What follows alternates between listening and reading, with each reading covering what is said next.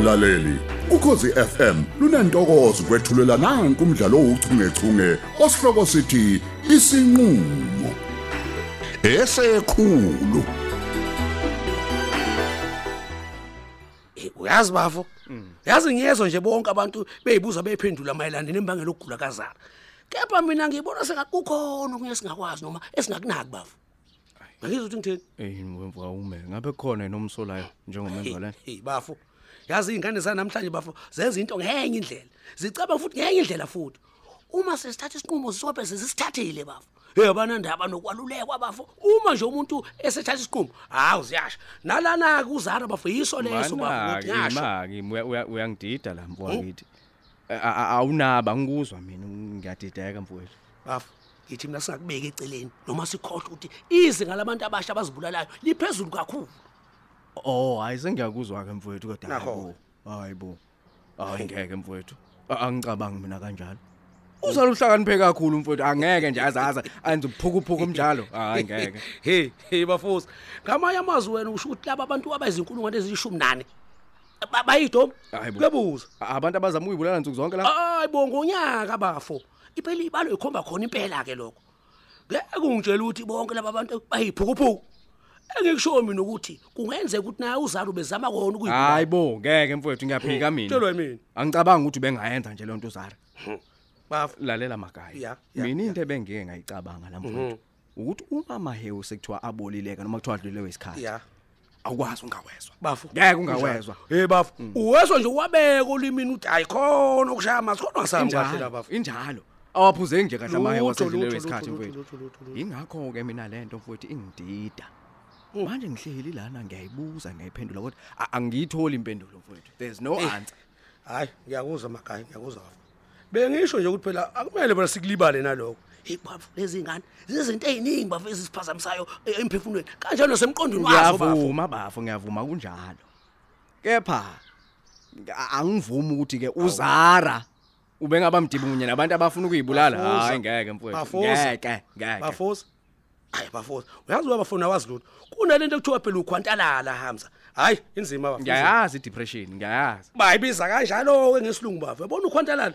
Ahloniphi udokotela msakazi mdlali webhola wena thisha ngisho phela naphi lo mongameli lwezo yezwa mfethu baningi futhi futhi osaziwayo asebehambile kulomhlaba njengabaculi nabanye. Hayi mina awudingi bafu ukuthi uzube isidomo Eh, lutho eh, bafu lutho eh, bafu. eh, eh, noma ngikuzwa mfowethu. ngiyakuzwa ngiyakuzwa. Ya. Mina ngeke nje nakancane ngiyibulale mfowethu ngoba nakho ngineyinkinga ezithile Bafuza. hayibo yini njengabe ikhathaza uzala hey bafu. Hey ngeke wazi hamza Eh? mfowethu. Ukuthi kwenzakalani ngempilo yakhe. Hey bafu ziqomile phela lezi ngane utshelwa yimina. Zisothandweni bafu. Ngeke wazi ukuthi kwenzakalani lapha. Hey kunencinde senkulu kabi bafu. Bafuna izinto ezimnane eziphambili babona ontanga babo bevela ko TV na ko Facebook njengabantu abaphumelele. Uthi yena ke izinto zakhe hayi zampethela ihambi kahle. Balahlekelwa yithemba okusheshsha bafu. Ya kona hayi kunzima mfowethu kunzima kakhulu futhi. Bese ke futhi ke webafoke kuba nelethu mental illness. Abantu abazi ukuthi mental illness ichaza ukuthini futhi ingozi kangakanani bafo baningi futhi abantu abaphazamisile emakhaya. Hayi khona yona leyo abayiboni nto. noma futhi Yebo. abazazi bafo mana mfowethu ngiyavuma ngilwi nawe. Ikhona impela leyo nto angikuphikisi kepha ngisasho mina namanje ukuthi angimboni mina uzara ephuza amayo anobuthi ngoba nakho phela yena ezama ukuyibulala. Iyona into engayivumi mfowethu angizokwazi ukuvuma leyo. Magaya bafo hayi asibonge yena nje uNkulunkulu fethu ukuthi avikele ingane. Hayi impela bona hey Mm. cishe Cishe wavula wabheda, amehlo. cishe Hayi, wabheda.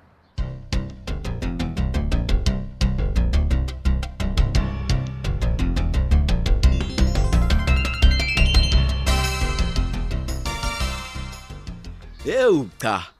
Ngithi angincome. Hey mahla ma-ofisini Mr Mzolo. hayi kona abantu udokotela usesebenze kakhulu Hayi ngeke. ukusebenza kwakhe nje besekuthenini le ndawo ayenze bese zingene eliphezulu Ngiyabona. Yebo. Mr Mzolo angiqale ngibonge nje eh ngokunginikeza ithuba lokuba ngizokubona. Ngiyazi ukuthi nawe busy vele. hey kuyale nale sizothini ke kodwa Impilo. Impela, impela. So lapho umsebenzi wakho uyini? oh hayi mina ngisebenza njenge technician ya umnikazi wale lab udokotela ophuma lezweni lase Iran Hey, kuhanjiwe. kakhulu uyacabanga nje ukuthi labantu bandiza ama kilometer ayinkulungwane ngeinkulungwane beza la bashizwe labo ngenxa yamadlela alihlaza basuke bewafuna uyabona? Akusikona nje lokho kuphela. Yebo. isizulu sike sithi umfowenu uhlangana naye kuphi? Ekhambeni. He kunjalo mfowethu. Eh bashiya wena amasiko abangane omakhelwane isiko impilo la- lasezweni labo. Yebo. Eh, kuningi nje mfethu abahlukana nakho. Bese thina sithi eh, esizalelwe lapha emzansi sithi sinako konke. Mm, sinophahla. Ah mfethu nosisi nobhuti Yebo. eh, nabazali. Sihluleka nje ukuziphilisa ezweni lethu ekubeni befika lapha bephinde bahambe nje. Bese siyabahlukumeza ke la esibhedla khona bafowethu. ngoba phela cha bona udokotela ke ubesebenza esibhedlela eTop Hills. Oh. Ngalana ke nje ubesebenza ngaleso sikhathi. Ukuhamba kwesikhathi ke wathatha isinqumo sokuthi akashiye Top Hills wabe sezogxila ke la ngokugcwele. Hayi ngiyakuzwa bafu Ehhe. ngiyakuzwa. Cha eh kunodatshana la eh olukhona yebo yebo Eh njengoba ngilapha nje mfowethu ngizama ukuthi ngililandele. Eh uma ngingabuza nje Mr Mzolo, ngabe unalo ulwazi lokuthi udokotela ushiyeleni ngokusebenza ngokugcwele eTop Hills? well eh, noma ngeke ngisho ukuthi ngiyasazi isizathu kodwa yeke ngiyacabanga ukuthi njengawo wonke umuntu obona ithuba lokukhula kwebusiness nakulona eh naye nje ubone kungcono ukuthi ayivulele laboratory yakhe Oh ya. aya kodwa ngale kwalokho hayi angazi ngempela ukuthi ngabe yini yabangela ukuthi ashiye Top Hills Ah kuyezwakala. Eh kuyezwakala kahle kakhulu. Yebo. Eh kusho ukuthi ubusy ne? hayi kusho ukuthi ubonile ukuthi ngingasebenzeka ngokugcwele la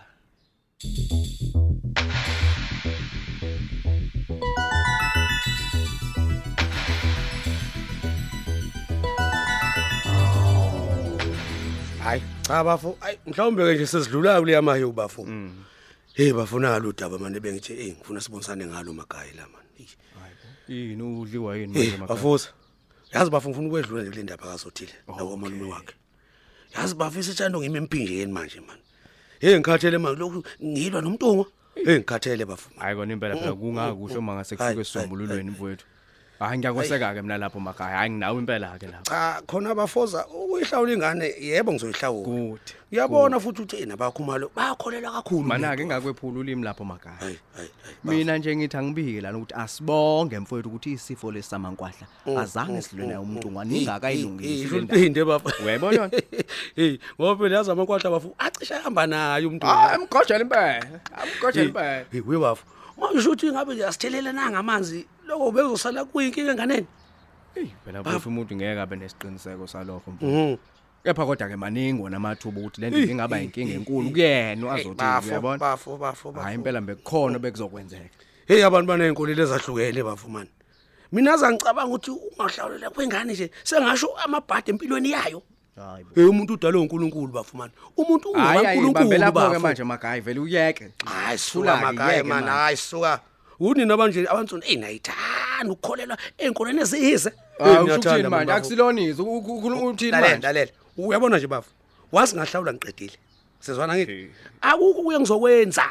Indaba ukuthi kumele eh, kuhlatshwe ukuze ingane ithengwe ibe ngiyakwacele okwesingaki bafu? Hayi bo usho ukuthini utho singaka A- angithi mina isiwayo angithi mina ngi- ngikhokhele nje ngoba phela Uyaganga izola wena. ngicela ngithi. Manje sekumele ngithenge into okuvela kuyami Eh phela ingane ingane hayi yazi kuya ukuthi unenkani emakhaya kodwa yazi afuna inkani.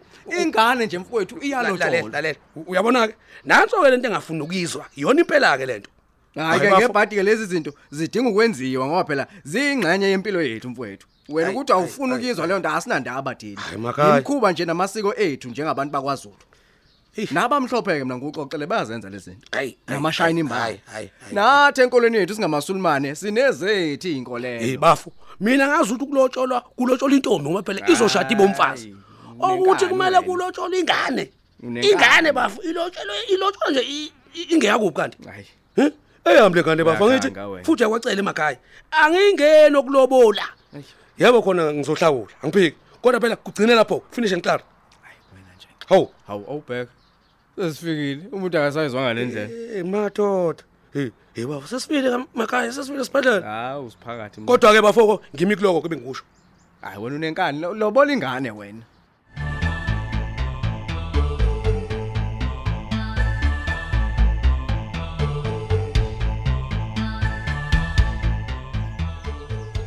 Hawu. Nikhona nje kodwa le ekhaya? hayi bo. Awungeni ngani? Angithi uma usudakiwe uvela ukugulukudela. Sikhulekile ekhaya. Awungitshela bese izoyapha ekseni kangayi njengoba usibuza nje ukuthi sikhona yini. Awu, awu. Anoke nifunde ukuphendula imibuzo enibuzwa yona. Hayi ukuthi ngikubuza umbuzo nawe ungibuza umbuzo. butiza. Awuze kungifundisa ke izinto zakwakhe emzini wami. Awukaze mina ungibone ngiya kwakho ngiyokufundisa ukuthi ke kumele wenzeni.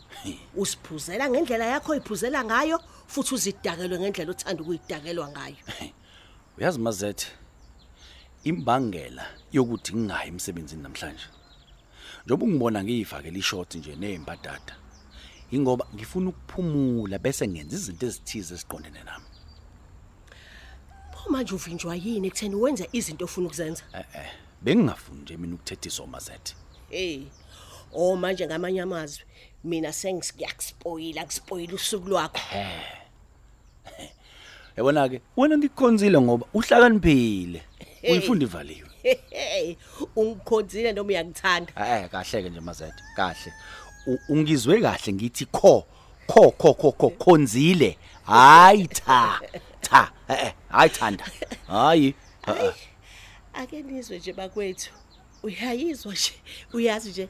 Hayi, ayingizwa nokungizwa kahle le ndoda. Noma sengiyizamela nje. Hey. Hayi ayenziwa lento yenzayo kumuntu wesifazane. Hayi awu- awu- awukahle kancane njengombhedo wena. Kuhamba kanjani kodwa? Usho ke empilweni noma otshwaleni.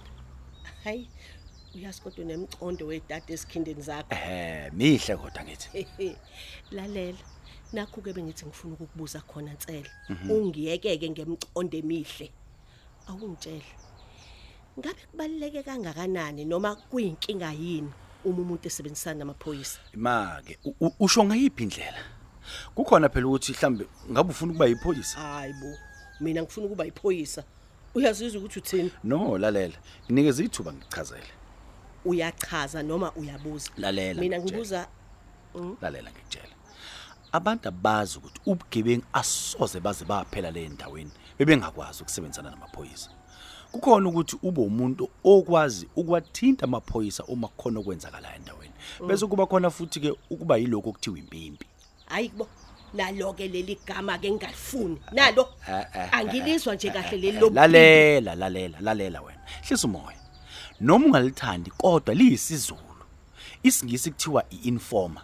Yabona Yeah. ngamanye amazwi usebenzisana usebenzisana namaphoyisa ekwaziseni mekukhona ubugebengu obuze kwenzeka endaweni noma kukhona ke ukuthizeke nje okwenzakalile endaweni okuwukuphula umthetho. Yona kuphela indlela esingakwazi ukuthi sigweme ngayo ubugebengu. Angazi ukuthi yini abantu benqena ukwenza lokho. Hayi ngiyakuzwa kunjalo nje yabona? Ningamemeza kunanela intaba namawa amaphoyisa abantu nawo. Asuke engenalo ulwazi ukuthi kukhona umuntu oyisigebengu la yabo? Ucabangani wena ngalokho? hayi awusho. Kuyahola. Hayi ingazili yazi iweyithanda imali masethi kahle. Kukhona Eh, engimbuzelayo eh, musuqamba manga uzibuzela wena. He lalela ngikutshela phela kukhona amasento owatholayo yabona? Ikakhulukazi mawuqhamuke nombiko oholele ekuthenini kubanjwe lezo skila mkhuba zagwetshwa.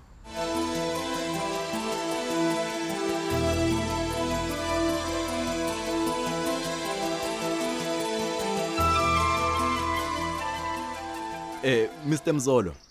Eh ebengingathanda ukukubuza kuwena futhi nakho. Yebo. Ngabe mhlawumbe izicubu zabantu ikakhulukazi laba abasuke sebeshonile kuyenzeka yini ukuthi zifike lapho kuzeni izihlole? Hey, ay ngeke ngithi ngiyazi. Ngabe nginamanga impela ayi. Hawu bengithi uthi usebenza khona lapha nawe laboratory. Is it yes or no? Hayi ngeke ngithi yes ngoba akukho esengeke ngakubona. Kodwa phela ngiyazi ukuthi e- endaweni efana nalena yabo elaboratory for sure ziyafika icube esoyidinga ukukho- ukuhlolwa yabona. Ehhe. Kodwa phela angisho ukuthi nginolwazi oluphelele. Mina ke futhi ke angivamile ukungena egunjini eliqukethe konke okwenzakalayo la yabo. Kodwa phela ngenzeka ukuthi akhona ama human organs. Ngicabanga ukuthi ukhuluma ngezinto ezifana nezinso, amehlo, namaphaphu into enjalo. Impela. Impela. Eh, Njengoba uthi lo dokotela uphuma ezweni lase Iran. Uyazi ukuthi Iran idume ngani? Hayi, ngabe ngiqamba manga uma ngithi ngiyazi. Hey, okay. Ngiyakuzwa Mr Mzolo. Yebo. Eh kuningi sisazokuxoxa. Hayi, Eh ayikho. ngicela nje sisebenzisane Mr Mzolo. Eh, si- sinenkinga yokwebiwa kwezicubu zezidumbu ikakhulukazi esibhedlela eTop Hills nokuyilapho ke abesebenza khona vele umphathi wakho hayi ngiyakuzwa ngikuzwa kahle hayi futhi ke ke anginayo inkinga ekuthenini sisebenzisane ngizokwenza ngakho konke okusemandleni nami ukuthi usizakale. Hawu ngingajabula kakhulu Mr Mzolo.